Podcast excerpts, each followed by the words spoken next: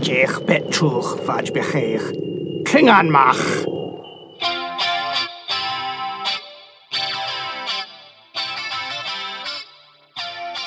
Dit is Drang naar Samenhang, de podcast over de psychologie van het begrijpen. Mijn naam is Rolf Zwaan. En ik ben Anita Eerland.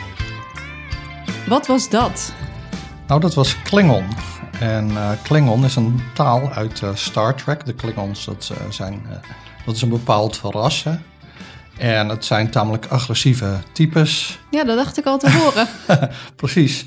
Ja, dus aanvankelijk, dat is wel het grappige van Klingon trouwens, is, want je zou denken, oké, die acteurs die brabbelen wat. Mm -hmm. En dat was in het begin ook zo, toen Star Trek begon in de jaren zestig. Maar uiteindelijk is er dus een taalkundige bij betrokken geraakt en die heeft een hele Klingon taal ontwikkeld. En uh, die instrueerde dus ook de acteurs van uh, nee, dit kun je wel zeggen en dit niet. En hij had een Klingon woordenboek gemaakt. Dus je heeft Klingon... echt gewoon een hele taal bedacht waarmee je alles kunt communiceren. Wat ja. je met een uh, echte taal ook kan communiceren. En die heeft op basis daar. Dus die heeft eigenlijk de acteurs dan die taal moeten leren. Nou ja, die acteurs die kennen denk ik alleen een paar woorden die ze dan moeten zeggen. In eigen zinnen. Zo van kijk boos en zeg dit. En uh, ja, hij heeft uh, klanken uit talen genomen die uh, op zich bestaan. Maar hij heeft ze op een ongebruikelijke manier gecombineerd. Dus die klank komt voor in die taal en die in die taal. En hij heeft ze dan gecombineerd in Klingon. Nou ja, mensen vonden dat zo interessant. Er is een Klingon woordenboek geko gekomen. Ja, ik dat ben zei je, ja. congressen geweest in de VS, waar dus mensen congrespresentaties hadden over Klingon. Gelukkig niet in Klingon, maar over, over dat Klingon. trekt weinig uh, Hoe mensen dan die taal leerden. En uh, nou ja, ze hebben zelfs Macbeth, of Ham, nee, Hamlet hebben ze vertaald in uh, Klingon. En ook uh, A Christmas Carol van Charles Dickens wordt opgevoerd in Klingon. Want er zijn inmiddels aardig wat mensen die die taal dus geleerd hebben. Ja, dus de taal bestaat nu ja. ook buiten de serie of buiten ja. de films. Ja, klopt. En uh, ja, ik bedoel, uh, en Star Trek bestaat nog steeds. De laatste aflevering van Picard, uh, die was een paar weken geleden. En daar kwamen diezelfde leden van Star Trek The Next Generation uit voor, uit de jaren negentig. Maar die serie start in de jaren zestig of zo. Maar goed, het gaat hier niet over, over Star Trek, maar het gaat over taalklanken. En dus aanvankelijk, hè, de Klingons waren een, of zijn een agressief ras, hoewel dus een van de populairste personages van in de Star Trek wereld is een Klingon, mm -hmm. Lieutenant Worf, maar uh, uh, ze worden doorgaans afge, uh, afgeschilderd als nogal agressief, dus aanvankelijk maakten ze ook van die agressieve keelklanken, ja. maar daar is dus uiteindelijk een hele taal uit ontstaan. En het aanvankelijke beeld was alleen wel van het moet agressief klinken. Ja, maar dat is wel gelukt. Ja, precies. Maar en... het is dus wel eigenlijk een, een taal. Uh, en je ziet dat wel met meer dingen, verzonnen talen, bijvoorbeeld uh, in de band van de ring, Lord mm -hmm. of the Rings. Ja, daar heb je inderdaad, uh, nou ja, de elfentaal, elfish. Ja, dat klinkt wat, een beetje wat, als Zweeds, vind ik. Ja, nou, ik wou zeggen, elf, het, het lijkt de hele tijd alsof ik elvis zeg, maar elfish. Ja. En dat moet natuurlijk niet agressief klinken, dus want dat past helemaal niet. Elvis. Elvis. dat past helemaal niet bij het imago van, uh, van de elfen. Nee. Dus dat moet dan wat uh, zachter klinken. Ja. Ja. Ik heb er even naar geluisterd, omdat ik me niet zo goed meer kon herinneren hoe dat nou klonk. Maar ik vond het ook nog steeds best wel hard. Oh ja, ik vind het wel. Nou ja, ik vind Zweeds wel... een mooie taal en ik vind het dus lijken op Zweeds. Ja, ik vind, het, oh. ik vind het er qua taal niet echt op lijken. Er zitten ook best wel van die harde klanken. En het klinkt wel beter dan uh, Klingon. en het klinkt ook beter dan... De taal de van de orks. Ja, precies. Ja. ja. want dat is, dat is ook zo uh, ja. rauw. Ja. ja, dat klopt. En uh, Tolkien, die heeft dus ook, dat is ook een taalkundige. Dus ja. die heeft ook, zeg maar, zo'n taal ontwikkeld. Volgens mij is die elfentaal ook een, een een taal. Ik weet niet of die helemaal gesproken kan worden, maar wel met. Nou, je, ja. kan, je kan het wel leren. Ik heb ja. gezien dat er een uh, TED-talk is oh. over het leren van um, Klingon en Elvish en nog twee andere talen die ik eigenlijk in Navi. Um, maar dat is denk ik van Avatar, maar dat weet ik niet zeker. Ik denk het, weet je wel. Ik denk het ook. Ja. Uh, en, en, nog iets anders waarvan ik nog nooit had gehoord en ik ben ook die hele naam vergeten. was een beetje een. Uh, lastige naam. Maar er zijn, dus daar gaat een TED Talk over, over het leren van die talen. En volgens mij kun je dus ook op YouTube, ja, wat kun je niet op YouTube, maar kun je dus ook een soort van uh, cursus doen om, uh, om, nou ja, een van die um, talen. ja, fantasy talen eigenlijk, om die uh, te leren. Ja. Heb je daar zin in, nieuwe hobby? Nee, want ik ben natuurlijk al bezig met, op YouTube met Frans.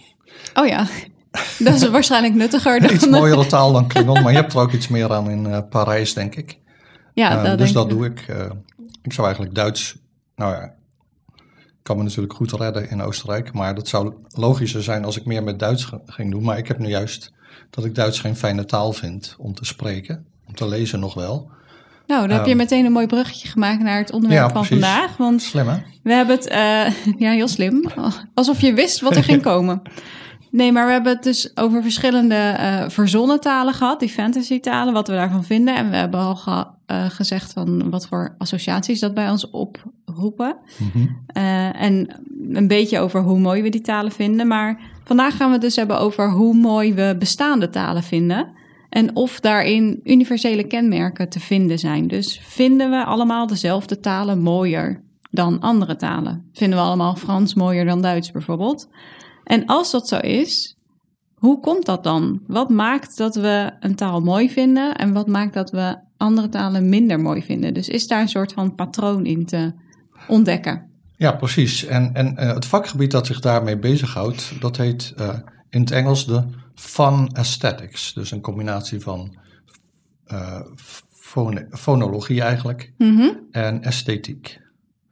En ja, dus hoe mooi klanken klinken. Ja, ja, Fonesthetiek is volgens mij niet een, uh, een, woord in het Nederlands, maar goed, van aesthetics. Misschien hebben deze auteurs in dat artikel uh, die term bedacht. Dus het gaat om de perceptie van schoonheid in gesproken taal die losstaat van de betekenis. En dat wordt eigenlijk al genoemd in de Talmud, want daarin wordt gezegd: vier talen zijn aangenaam voor gebruik in de wereld: Grieks voor zang, Latijn voor strijd, Syrisch of Aramees voor klaagliederen en Hebreeuws voor spraak. Hmm. Nou ja, maar uh, dus er waren al vroeg, zeg maar, inzichten over de, de, de klanken van taal, even losstaand van, van de betekenis van de individuele woorden en zinnen. En, uh, maar dus eigenlijk heel weinig wetenschappelijk onderzoek over. Ja, en, dus, eh, dus op basis van die klanken ook waar die dan geschikt voor zouden zijn. Ja, ja dus er zijn weinig intuïties. Wel bijvoorbeeld um, nou, ik weet nog dat ik zangles had in de Verenigde Staten en uh, dat mijn zangleraar zei: ja, veel opera's zijn in, nou natuurlijk in het Italiaans, maar Italiaans is zeer geschikt, omdat uh, als je zingt, uh, de, de, de, nou ja, de klanken die de melodie dragen, dat zijn de, de klinkers, niet de medeklinkers.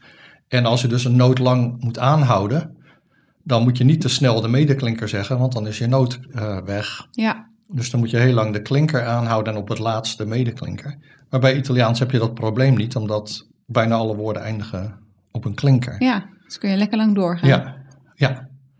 Um, desondanks slagen Italiaanse zangers erin om vreselijk nasaal te klinken, maar... Oh, ik kan dat wel hebben. Oh ja, nee, ik vind, het wel een mooie taal, ook als uh, Italiaanse zangers aan het zingen zijn. ik heb er zelfs verschillende cd's van. ja.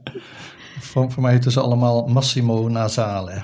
Ja. ik het klinken. maar uh, nee, dan vind ik uh, daar. Maar goed, uh, in opera, dan, dan zingen ze natuurlijk niet nasaal. En dan, ja, dan is dat duidelijk dus een voordeel, zou je kunnen zeggen. maar goed, dat zijn um, discussies, laten we zeggen.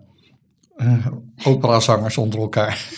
Nee, ik zat even te denken hoe een opera in Klingon zou klinken. Nou, die zal, er, het zal me niks, niks verbazen als die er ook is hoor. Uh, ja? Ja, want uh, je kunt het zo gek niet bedenken of ze hebben het. Maar, uh, maar goed, er zijn dus wel heel veel populaire discussies over, over talen. En hè, Duits klinkt hard, hard en Frans klinkt mooi en, enzovoort.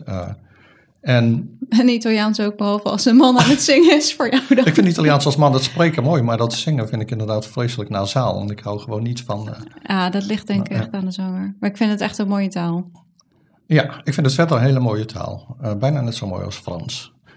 Um, maar goed, um, dus dat zijn onze ja. biases, hè, onze vooroordelen. Ja, klopt. En we hadden het een paar weken geleden over vooroordelen. Maar het gaat er nu om van, kun je nu wetenschappelijk onderzoek doen naar hoe taalklanken beoordeeld worden door mensen die een andere taal spreken? Ja. Dus als jij Chinees spreekt, wat vind je dan van uh, IJslands of zoiets? Of mm -hmm. van een taal die gesproken wordt op Papua Nieuw-Guinea, zoiets. Ja, het is natuurlijk super moeilijk om je eigen taal te beoordelen. Ja. ja dat, zou ik echt niet kunnen. Mm. Ik denk dat Nederlands helemaal niet zo mooi klinkt. Voor nou. niet-Nederlanders. Nee, nou ja, maar dat, zelf, uh, dat, dat, zouden ja. we dus... Uh, dat zou moeten kunnen blijken uit de data dan. Hè? En uh, nou ja, dus deze onderzoekers van het artikel dat wij nu bespreken... Nou, die zeggen ja, oké, er zijn dus al die intuïties die mensen hebben. Maar hoe zit het nu echt? Nou goed, dat moet je dan wetenschappelijk onderzoeken. Mm -hmm. Maar daar zit natuurlijk wel een politieke kant aan. als je gaat zeggen van iedereen vindt dit een lelijke taal, ja, dan stigmatiseer je daarmee een hele grote groep mensen. Ja. Dus uh, daarom zijn wetenschappers er misschien van weggebleven van dat onderwerp. En, ja, er zit een soort waardeoordeel in eigenlijk. Ja. Uh, terwijl dat misschien. Ja, nou, zo kan het in ieder geval wel overkomen. Ja, ja. ja dat denk ik wel. Ja. En uh, dan zijn er ook nog ja, allerlei methodologische uitdagingen. Hè? Hoe doe je precies dat onderzoek? Want je moet dan gaan kijken van hoe mooi vinden mensen een bepaalde taal. Maar ja, waar is dat van afhankelijk? Van heel veel verschillende factoren. Zoals we straks nog gaan zien.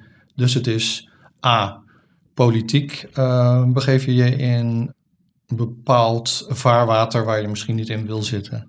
En het is ook nog moeilijk onderzoek om te doen. Desondanks zijn deze onderzoekers er dus in geslaagd om wel een onderzoek uit te voeren. En dat komt er ten eerste door doordat ze heel veel. of dat de toegankelijkheid naar informatie of naar talen, gesproken talen, enorm is toegenomen. Je kunt op het internet voorbeelden vinden van bijna elke taal. Ik bedoel, uh, dus audiofragmenten. Mm -hmm.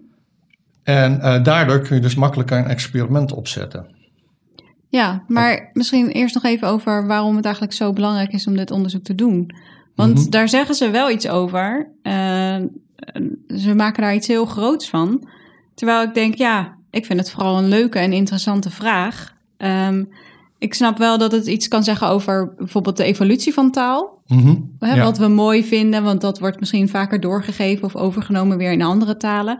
Maar verder hebben zij een heel verhaal over uh, het belang hiervan voor het begrijpen van kunst en zo. En toen haakte ik een beetje af, eerlijk gezegd. Het begrijpen van beeldende kunst, dat zag ik ook niet helemaal, eerlijk gezegd. Oh, jammer, want ik wilde, ik wilde net aan jou vragen nee, of jij nee. begreep wat voor implicaties dit onderzoek dan nee, heeft. Nee, nee, maar... dat, dat was uh, ook mijn kritiekpunt. Dat ik zie niet helemaal precies wat de wetenschap er in het algemeen aan heeft, behalve dus met betrekking tot taalevolutie. Als je kunt vinden van, oh mensen uit hele verschillende taalgroepen mm -hmm. vinden toch dezelfde klanken mooi of zo.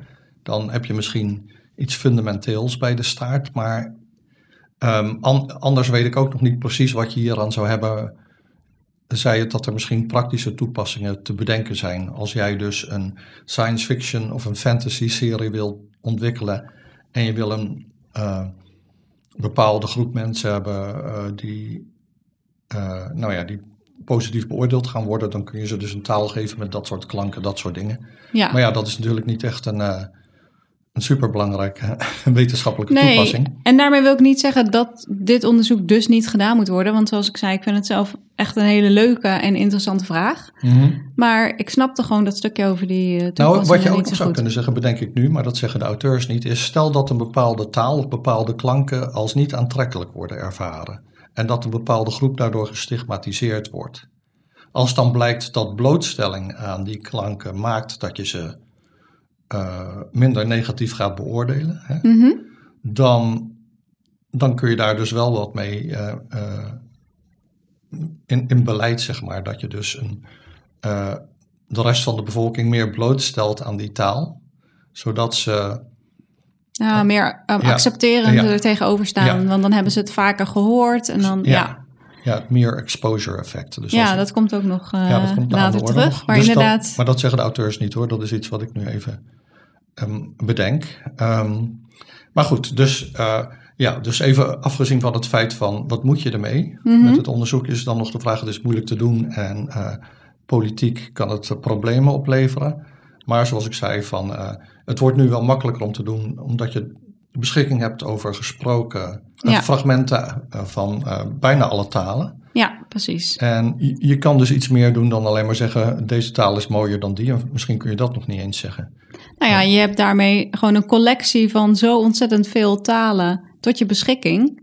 Dat maakt ook dat je niet alleen maar onderzoek kunt doen naar hoe, hoe talen uh, worden uh, beoordeeld van mensen die toevallig in jouw buurt zitten en een andere taal spreken. Mm -hmm. Maar je, ja, je kan nu, uh, ja, ik weet niet, ze hadden 288 talen of zo.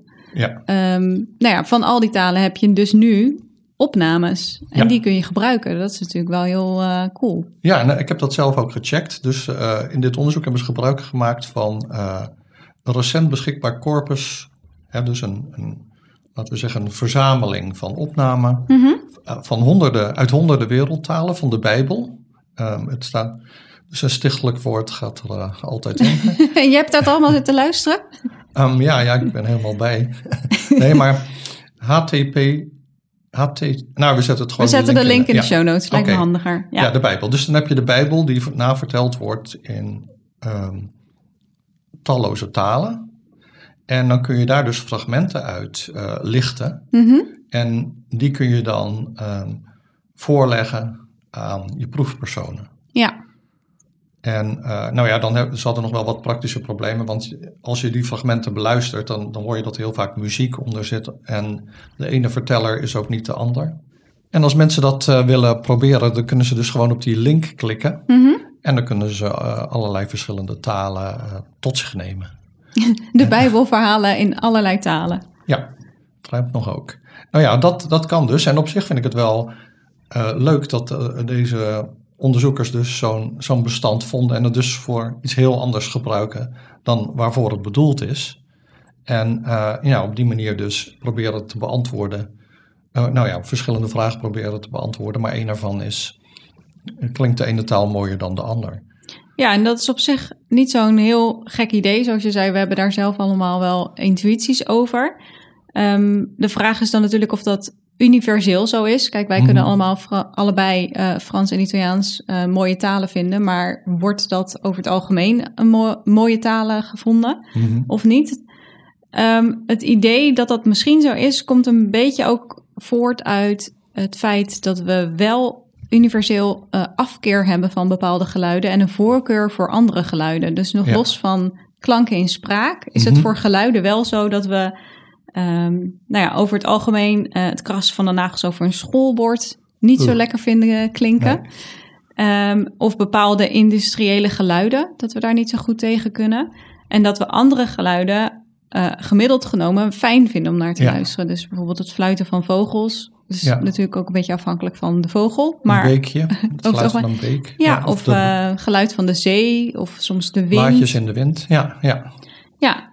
dus nou ja, als we zo'n voorkeur hebben um, over het gemiddeld genomen voor geluiden, dan hebben we dat misschien ook voor fonemen, dus voor klanken in een taal.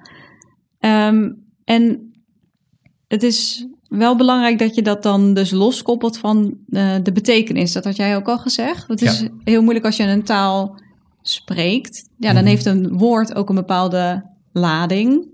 En ja. dat koppel je dan misschien ook wel aan de klank. Het kan mm. natuurlijk ook andersom zijn. En daar hebben we het ook al een keer eerder over gehad in de aflevering over Kiki Booba. Ja. Over de associaties die je hebt bij bepaalde klanken. Ja, de associatie tussen klank en betekenis. Sound ja. symbolism. Ja. Precies, dus dat Kiki... Nou ja, mensen die dat interessant vinden, die moeten gewoon die aflevering denk ik nog een keertje luisteren. Ja. Want uh, nu gaan we het hebben over taal. fijn uit de doeken. Ja, precies. Oké, okay, je hebt al gezegd, er zijn um, bepaalde factoren waar je rekening mee moet houden als je onderzoek gaat doen naar mm -hmm. hoe fijn vinden mensen nu een bepaalde taal. En een van die dingen is uh, de klanken ja. van de taal. Dus uh, ja, talen met bepaalde fonemen die we onprettig vinden, dus bepaalde harde klanken bijvoorbeeld, of waar we minder bekend mee zijn, die zouden voor ons minder plezierig zijn om naar te luisteren. En als zo'n taal dus die fonemen bevat of daar meer van heeft, dan zouden we dus uh, op basis daarvan een bepaalde taal minder aantrekkelijk vinden om naar te luisteren. Dus dat is uh, één. Dan de stem van de spreker, dat had je ook al heel even aangestipt. Um, ja, over het algemeen hebben we een voorkeur voor stemmen die gezond klinken. Mhm. Dus ik dacht meteen, nou, dus niet van die raspende stemmen. Um, en ook stemmen die ofwel typisch mannelijk of typisch vrouwelijk zijn. En daarvan zeiden ze eigenlijk niet precies wat dat dan in die stem is. Nee. Maar kennelijk is dit uit eerder onderzoek naar voren gekomen. En dat kan natuurlijk een evolutionaire uh, verklaring hebben. Dat we uh, gebrand zijn op het vinden van iemand die gezond is. Ja. Uh, dus een gezonde stem. En typisch man of vrouw. Ja, ja, bedoel, als je vanuit de evolutie je wil je voortplanten, dus dan is het belangrijk dat je een partner vindt die gezond is en ja. nou ja, en dan zijn dingen zoals de huid en, de, en misschien de stem dus indicatoren van gezondheid. Ja, maar huid kun je dan niet horen in, in nee, stem, nee, maar... ik bedoel naar analogie van, van ja. uh, huid zou je dus hetzelfde over stem kunnen Ja, een symmetrisch gezicht, dat soort dingen worden altijd dan aantrekkelijk gevonden en ook evolutionair verklaard, omdat dat met gezondheid uh, te maken heeft. Uh, ja, dus de stem van de spreker. Uh, dan een derde factor die kan bepalen of we een taal aantrekkelijk vinden of niet, is de bekendheid met de taal. Uh, of het gevoel van bekendheid, daar komen we later op terug. Maar de voorspelling van de onderzoekers is dat mensen talen mooier vinden die qua klank overeenkomen met talen die ze kennen. Mm -hmm. En ook dat je dus talen die je kent mooier vindt dan talen die je niet kent. En de laatste uh, zijn sociaal-culturele factoren. Want uh, nou ja, talen worden geassocieerd met een bepaalde geografische locatie. Dus je weet ongeveer waar een taal uh, vandaan ja. komt. En die roept natuurlijk allerlei associaties ook op. Dus je kan een taal associëren met een bepaald land en daar heb je een bepaald gevoel bij. Um, en nou, die associaties kunnen dus ook invloed hebben op hoe aantrekkelijk we een taal vinden. Ja. Uh, je kunt Italiaans op zich mooi vinden klinken, maar als je om wat voor reden dan ook een gloedhekel hebt aan Italië, dan zal dat afbreuk doen aan hoe mooi je die taal vindt ja. klinken. Dat zal dat beïnvloeden. En het maakt misschien ook dat we, nou ja, over het algemeen misschien Frans een, een mooie en chique taal vinden, omdat dat een taal is die vroeger ook door de adel werd gebruikt. Dat zou kunnen, ja. ja. Nou ja, die associaties, die hebben mensen en die ja. spelen ongetwijfeld een rol. Nou, nou, vroeg ik me af, hè, uh, nu je dit zo zegt, uh, dit heb ik helemaal niet voorbereid of zo, maar um, als je naar die uh, Scandinavische series kijkt, dan heb die, je Zweeds en Deens en soms in dezelfde um, uitzending. Dezelfde serie. Mm -hmm. ja, de Zweden en de Denen doen samen iets. Maar ik vind Zweeds dus hartstikke mooi en Deens helemaal niet. En daar zou je kunnen zeggen, de, cultureel zijn die landen heel vergelijkbaar. Ik uh, ben denk ik even bekend met Denemarken als met Zweden. Niet super bekend, maar ik ben er een paar keer geweest. En uh, dus dat zou op zich een go goede vergelijking zijn, denk ik. Uh, daar controleer Dus dan zou je proefpersonen moeten hebben die die talen helemaal niet kennen. En, en, en mensen die dus wel evenveel zijn blootgesteld aan uh, beide talen. Ik weet niet waardoor het komt, maar Zweeds klinkt heel melodieus en Deens klinkt. Uh, ja, het heeft denk ik ja. met het ritme te maken, maar ook met de klanken. Ja. En ik, ik, ik, verbaas me er altijd over dat zij elkaar dus zo goed kunnen verstaan. Ja. Omdat het voor mij zo heel anders klinkt. Maar ja. als je Deens. Want Zweeds is op zich voor mij makkelijker te begrijpen dan Deens. Daar begrijp ik echt uh, niks nee. van. Maar als je het leest, dan is het wel weer makkelijk te begrijpen. Dus ergens in de basis zijn die talen waarschijnlijk wel hetzelfde. Maar dan hoe, ze omgezet hoe de woorden omgezet worden in klanken of zo, dat is dan denk ik heel anders. Maar goed, dit is helemaal niet mijn vakgebied. Dit nee, is gewoon mijn uh, intuïtie. Ja, ja dat, over dat, hoe dat, dat heb ik ook. Ik ben totaal geen uh, expert in Scandinavische talen. Maar ik, ik, bedoel, ik probeer gewoon even te bedenken hoe je dus zo'n experiment zou kunnen doen. Ja. waarbij je dus de problemen die jij net noemde kunt verminderen. Maar goed, nou, in ieder geval is... die sociaal-culturele factoren, ja. die andere. Nou, en bekendheid kun je dan controleren. Ja, ja. maar het was even een... Uh, een, een, zijpad. Een zijpad. Oké, okay, even terug naar uh, de rode draad. Ja. Uh, nou ja, dus, dus je hebt er allerlei factoren genoemd waar je rekening mee moet houden. Ja. Nou ja, dus eigenlijk moet je dus meerdere sprekers hebben. Hè? Als dus de stem van de sprekers of misschien een lokale accent. Stel je voor, de ene spreker komt uit Noord-Holland en de ander ergens anders vandaan. Dat is een beetje zo met die. Uh,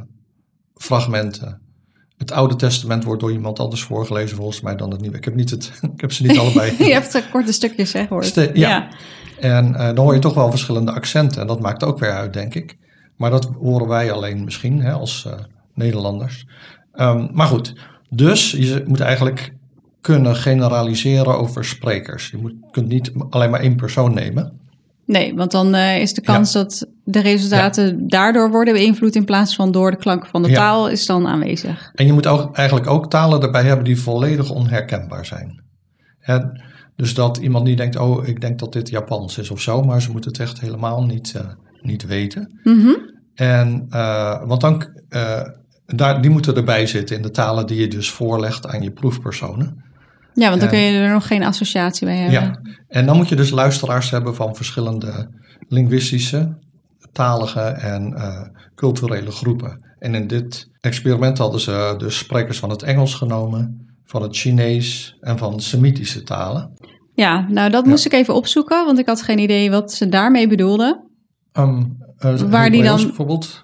Ja. ja. maar het is dus veel, veel, veel breder ja. dan dat. Ik, uh, ik zag een plaatje uh, waar dan uh, dat gebied ja. waar die talen worden gesproken was uh, aangegeven. Maar eigenlijk is het nog veel groter. Want ja. toen dacht ik, oh, dat is een beetje Midden-Oosten. Maar um, deze zogenaamde Afro-Aziatische talen, die worden gesproken ook in, nee, in West-Azië, maar ook Noord-Afrika, de Hoorn van Afrika, West-Afrika en Malta zit er ook oh. bij. Oh, interessant. Dat is het. Ja. Ja. ja, maar dat is dus best wel een groot gebied, maar er zitten dus ook aardig wat uh, ja, Afrikaanse talen dan in. Ja, het is het gebied van vroeger van de Feniciërs, denk ik. Hè? De, een van de eerste zeevarende volken, volkeren. En die zijn dus waarschijnlijk dan op Malta bijvoorbeeld uh, uh, geweest. En tenminste, dat denk ik nu. Maar nu, nu zit ik helemaal een beetje uit de losse pols wat... nou, zolang het niet uit de blote bol is, vind ik het prima. de blote bol, die heb ik opgeborgen. Die, die, die, mag, die niet, mag meer. niet meer. Nee. Um, Oké, okay, maar goed, dat even over dat de mensen een beetje een idee hebben um, wat voor soort uh, talen of, of, ja, ja, die Semitische talen waar, waar dat dan zo ongeveer over gaat. Ja, precies. Maar ze hadden dus uh, voor dat experiment opnames van 228 talen gebruikt. Mhm. Mm -hmm. En uit 43 taalfamilies. Een taalfamilie is dan bijvoorbeeld Indo-Europees, denk ik. En per taal hadden ze dan 5 tot 11 sprekers. Ja. En uh, dat heb je dan wel nodig natuurlijk om, om te kunnen zeggen van... oh, het ligt niet aan deze persoon dat die taal zo mooi gevonden wordt. En die, uh, nou, die werden dus beoordeeld op hoe aangenaam vind je nu dit fragment klinken... door sprekers van Engels, Chinees, en Semitische talen, waarvan jij net hebt uitgelegd waar je die allemaal kunt vinden. Ja, precies. Nou, het waren in totaal uh, 820 mensen. En die moesten dus dan die uh, fragmenten beluisteren. En uh, nou ja, dan waren de onderzoekers dus geïnteresseerd in um, hoe uitgesproken zijn nu de verschillen tussen die talen, in hoe aantrekkelijk ze gevonden worden. En vinden sprekers van dezelfde taal dezelfde. Nee, van verschillende talen. Dezelfde taal mooi en lelijk. Dus is er een soort universeel ja, ja. taalgevoel van uh, zowel de Chinezen als de, um, de Engels sprekende, als dus de sprekers van Semitisch vinden allemaal um, IJslands het mooist of zoiets. En, uh, ja, dat was nou, de vraag inderdaad. En dan en verder nog welke klanken binnen een taal maken een taal dus meer of minder aan, aangenaam. En dan kom je dus weer terug bij de klingels. Want daar werd aanvankelijk geprobeerd die taal onaangenaam te laten klinken, agressief, door veel keelklanken ja. te gebruiken. Ja, en ze moesten uh, niet alleen aangeven, dus die, die sprekers van die uh, drie taalgroepen, mm -hmm. moesten niet alleen aangeven hoe aantrekkelijk ze de taal uit een bepaald fragment vonden, maar ook of ze de taal herkenden of ja. niet. Want, nou ja, dan, dan kun je die apart analyseren. Dus dan Mhm. kun je kijken, oké, welke talen herkennen mensen niet? En wat vinden we dan voor, Ja, voor nieuwe talen, waarbij mensen dus nog geen associaties kunnen hebben met uh, het land of het Precies. volk. ja. dat die taal spreekt. Um, in maar 14% van de gevallen gaven luisteraars aan dat ze een taal herkenden. Mhm. Dus dat viel best wel mee. Maar goed, ja. het waren ook heel veel verschillende talen. Ik zou denk ik ook maar een handjevol uh, herkennen. Um, de talen die herkend werden, of in ieder geval dus waarvan mensen zeiden dat ze die herkenden, die werden ook gemiddeld genomen um, als meer plezierig beoordeeld. Ja. Dus dat geeft aan dat wat je kent, dat je dat fijner vindt. Ja, ja en dan, uh, dan zag je dat duidelijk terug, want de Chinese sprekers vonden dan Mandarijn, Engels en Japans het meest aantrekkelijk. Mm uh, Engels, dat, daar worden ze natuurlijk ook aan blootgesteld. En Japans, uh, ik zal niet zeggen dat China en Japan nu zo'n prettige gezamenlijke geschiedenis hebben, maar blijkbaar um, wordt de taal Japans dan toch wel aantrekkelijk gevonden. Nou, wel veel blootstelling, dus misschien alleen al daarom. Ja, en dan voor de sprekers van Semitische talen was het Spaans, Engels, Italiaans en Arabisch. Dat zijn de talen waar zij natuurlijk aan blootgesteld worden. En voor de Engels sprekende was er eigenlijk niet zo'n uh, patroon. Dus die waren niet gebiased. Want het was namelijk ook nog zo dat um, de Chinezen vonden dus uh, talen waarvan ze dachten dat die Afrikaans waren, die vonden ze niet aantrekkelijk. En, uh, um, ja, dat is bij, want dit is een analyse van de talen die mensen herkenden. Ja. En dat is van de analyse van ja. de talen die mensen niet herkenden. Oh, dat klopt. Dat Daar zeg je dat inderdaad. Ja, ja, ja. Um, wat nog wel grappig is, dat heb ik al een beetje geforeground, maar mensen herkenden een taal lang niet altijd correct. Dus soms dachten mensen dat ze een taal herkenden, maar dan was het in werkelijkheid een andere taal. Um, en dat had geen effect op het oordeel van plezierigheid. Dus als mhm. mensen dachten dat ze een taal herkenden, of dat nou correct was of niet, dat leidde al tot een hogere ja. um, beoordeling voor de aantrekkelijkheid van de taal. Dus gewoon het gevoel dat het bekend, dat het bekend is, mm maakte dat je het leuker vindt. En voor de talen die niet bekend waren, dus daar, ja, daar komen we dan nu op, die hebben ze dan apart geanalyseerd. En dan konden ze eigenlijk geen duidelijke patronen vinden uh, in de aantrekkelijkheid van een taal. Dus het is niet zo dat talen die in een bepaald deel van de wereld worden gesproken, dat die meer aantrekkelijk worden gevonden dan andere talen. Ja, dus dat al die, die drie verschillende groepen sprekers, dat die allemaal dezelfde voorkeur voor een bepaalde taal, taalfamilie of zo zouden hebben, dat hebben ze dus niet gevonden. Inderdaad, voor mensen die Engels spraken, werd er nauwelijks een specifieke voorkeur gevonden voor andere talen, dus onbekende talen. Uh, Chinese sprekers vertoonden meer een voorkeur voor talen waarvan ze dachten dat die in uh, Noord-Azië en Noord-Amerika werden gesproken. En toen dacht ik wel bij Noord-Amerika, ja, ik dacht uh, Engels, maar ze hebben volgens mij ook één andere taal daarvan mee, meegenomen uit Noord-Amerika. Maar ik weet even niet meer. Ja, iets van een soort iets wat de Mennonieten dan spraken. Ik dacht dus aanvankelijk, toen ik nog niet alle details had gelezen, dat ze het hadden over talen die dan de, de Indianen spraken. Hopi en dat soort talen. Maar daar ging het helemaal niet om. Die hebben ze niet, uh, niet meegenomen. Het is wel mooi in, de, uh, in het artikel zelf. De link zullen we in de show notes zetten. Maar zie je hmm. een wereldkaartje en dan zie je um, welke talen ze allemaal mee hebben genomen. En waar die dan oorspronkelijk vandaan komen. Dus als je een, een, idee wil krijgen van die 228 talen die ze hebben mm onderzocht. Dan is dat plaatje denk ik wel heel handig. Ja. Um, ja, de Chinezen hadden een voorkeur voor uh, als ze de taal niet kenden, hadden ze een voorkeur voor talen uit Noord-Azië en Noord-Amerika. Um, en inderdaad, ze vonden talen waarvan ze dachten dat die in Afrika werden gesproken, die vonden ze dus minder mooi. Ja. En uh, dan de sprekers van die Afro-Aziatische talen, mm -hmm. um, die hadden een voorkeur voor talen uit Noord- en Zuid-Amerika. Ja. Maar dus niemand had een voorkeur voor talen die in Europa werden gesproken. Nee, nee dat is ook wel typisch eigenlijk. Um, ja, dat is eh, onze eigen bias waarschijnlijk. ja, misschien wel. Zeker wel trouwens. Uh, en dan hadden ze ook nog gekeken naar uh, stem. Dat was eigenlijk dus een storende factor. Hè? Want uh, je wil dat mensen de taal beoordelen en niet de stem. Maar ja, ze hadden natuurlijk wel informatie over hoe die stemmen gevonden werden. Het was niet zo dat mensen over het algemeen een voorkeur hadden voor een vrouwenstem bijvoorbeeld. Maar ze hadden wel een voorkeur voor een lagere stem een stem die minder varieerde in toonhoogte Mhm. en wat ze noemen een breathy voice.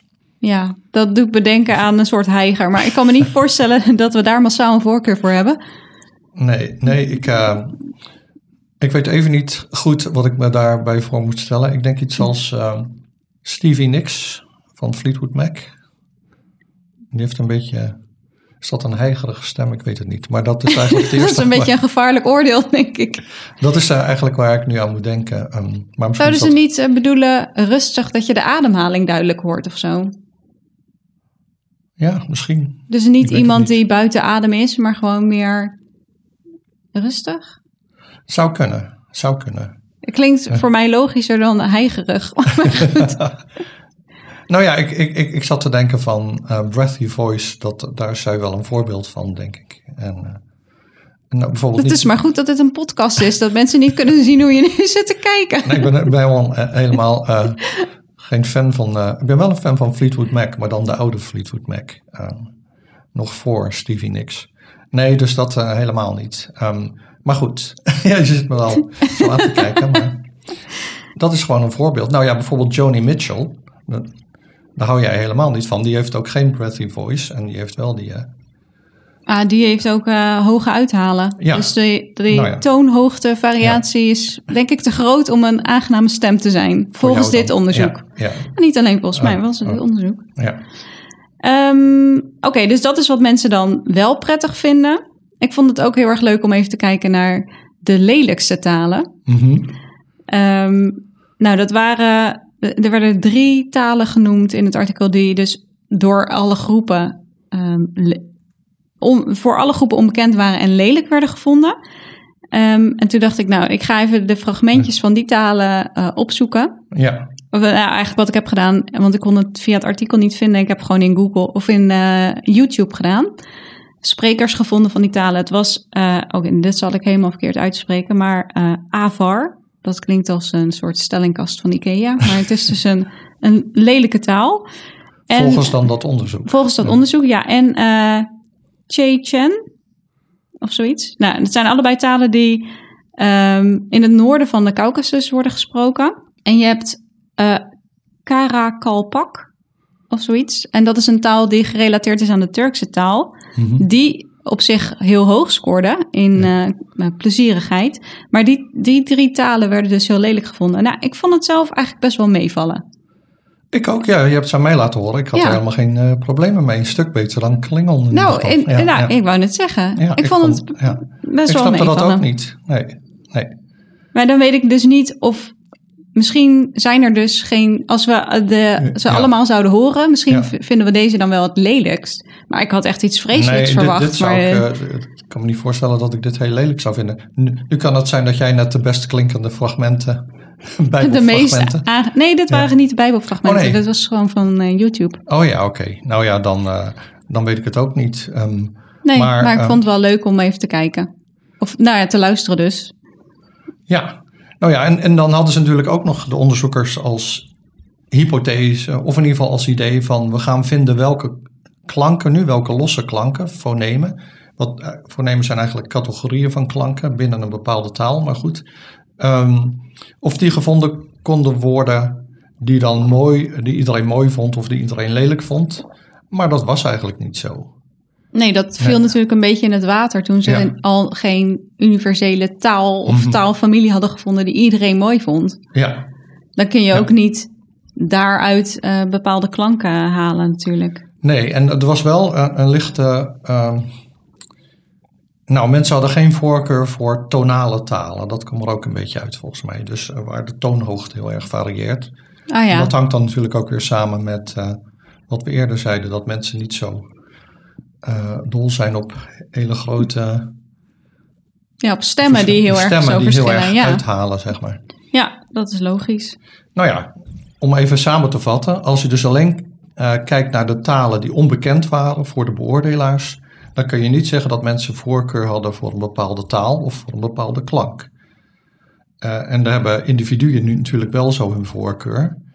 En uh, je vindt ook wel positieve en negatieve culturele voorkeuren. Mensen houden meer van wat bekend is. En een zeker racisme kun je de Chinese proefpersonen wel toeschrijven, vind ik.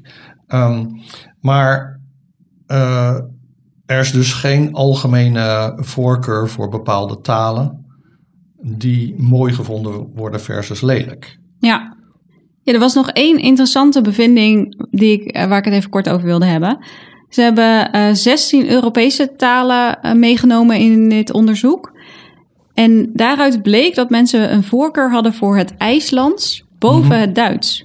Terwijl Duits over het algemeen bekender is, of mensen misschien eerder het gevoel hebben dat ze die taal kennen.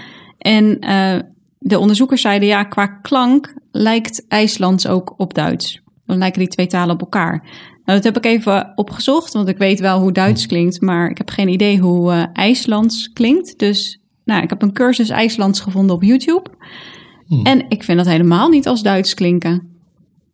Het nee, klinkt echt heel anders. Nou ja, het hangt dus, vanaf van waar je natuurlijk, als je een Chinees bent, dan zul je dat wel vinden, denk ik, dat die talen op elkaar lijken.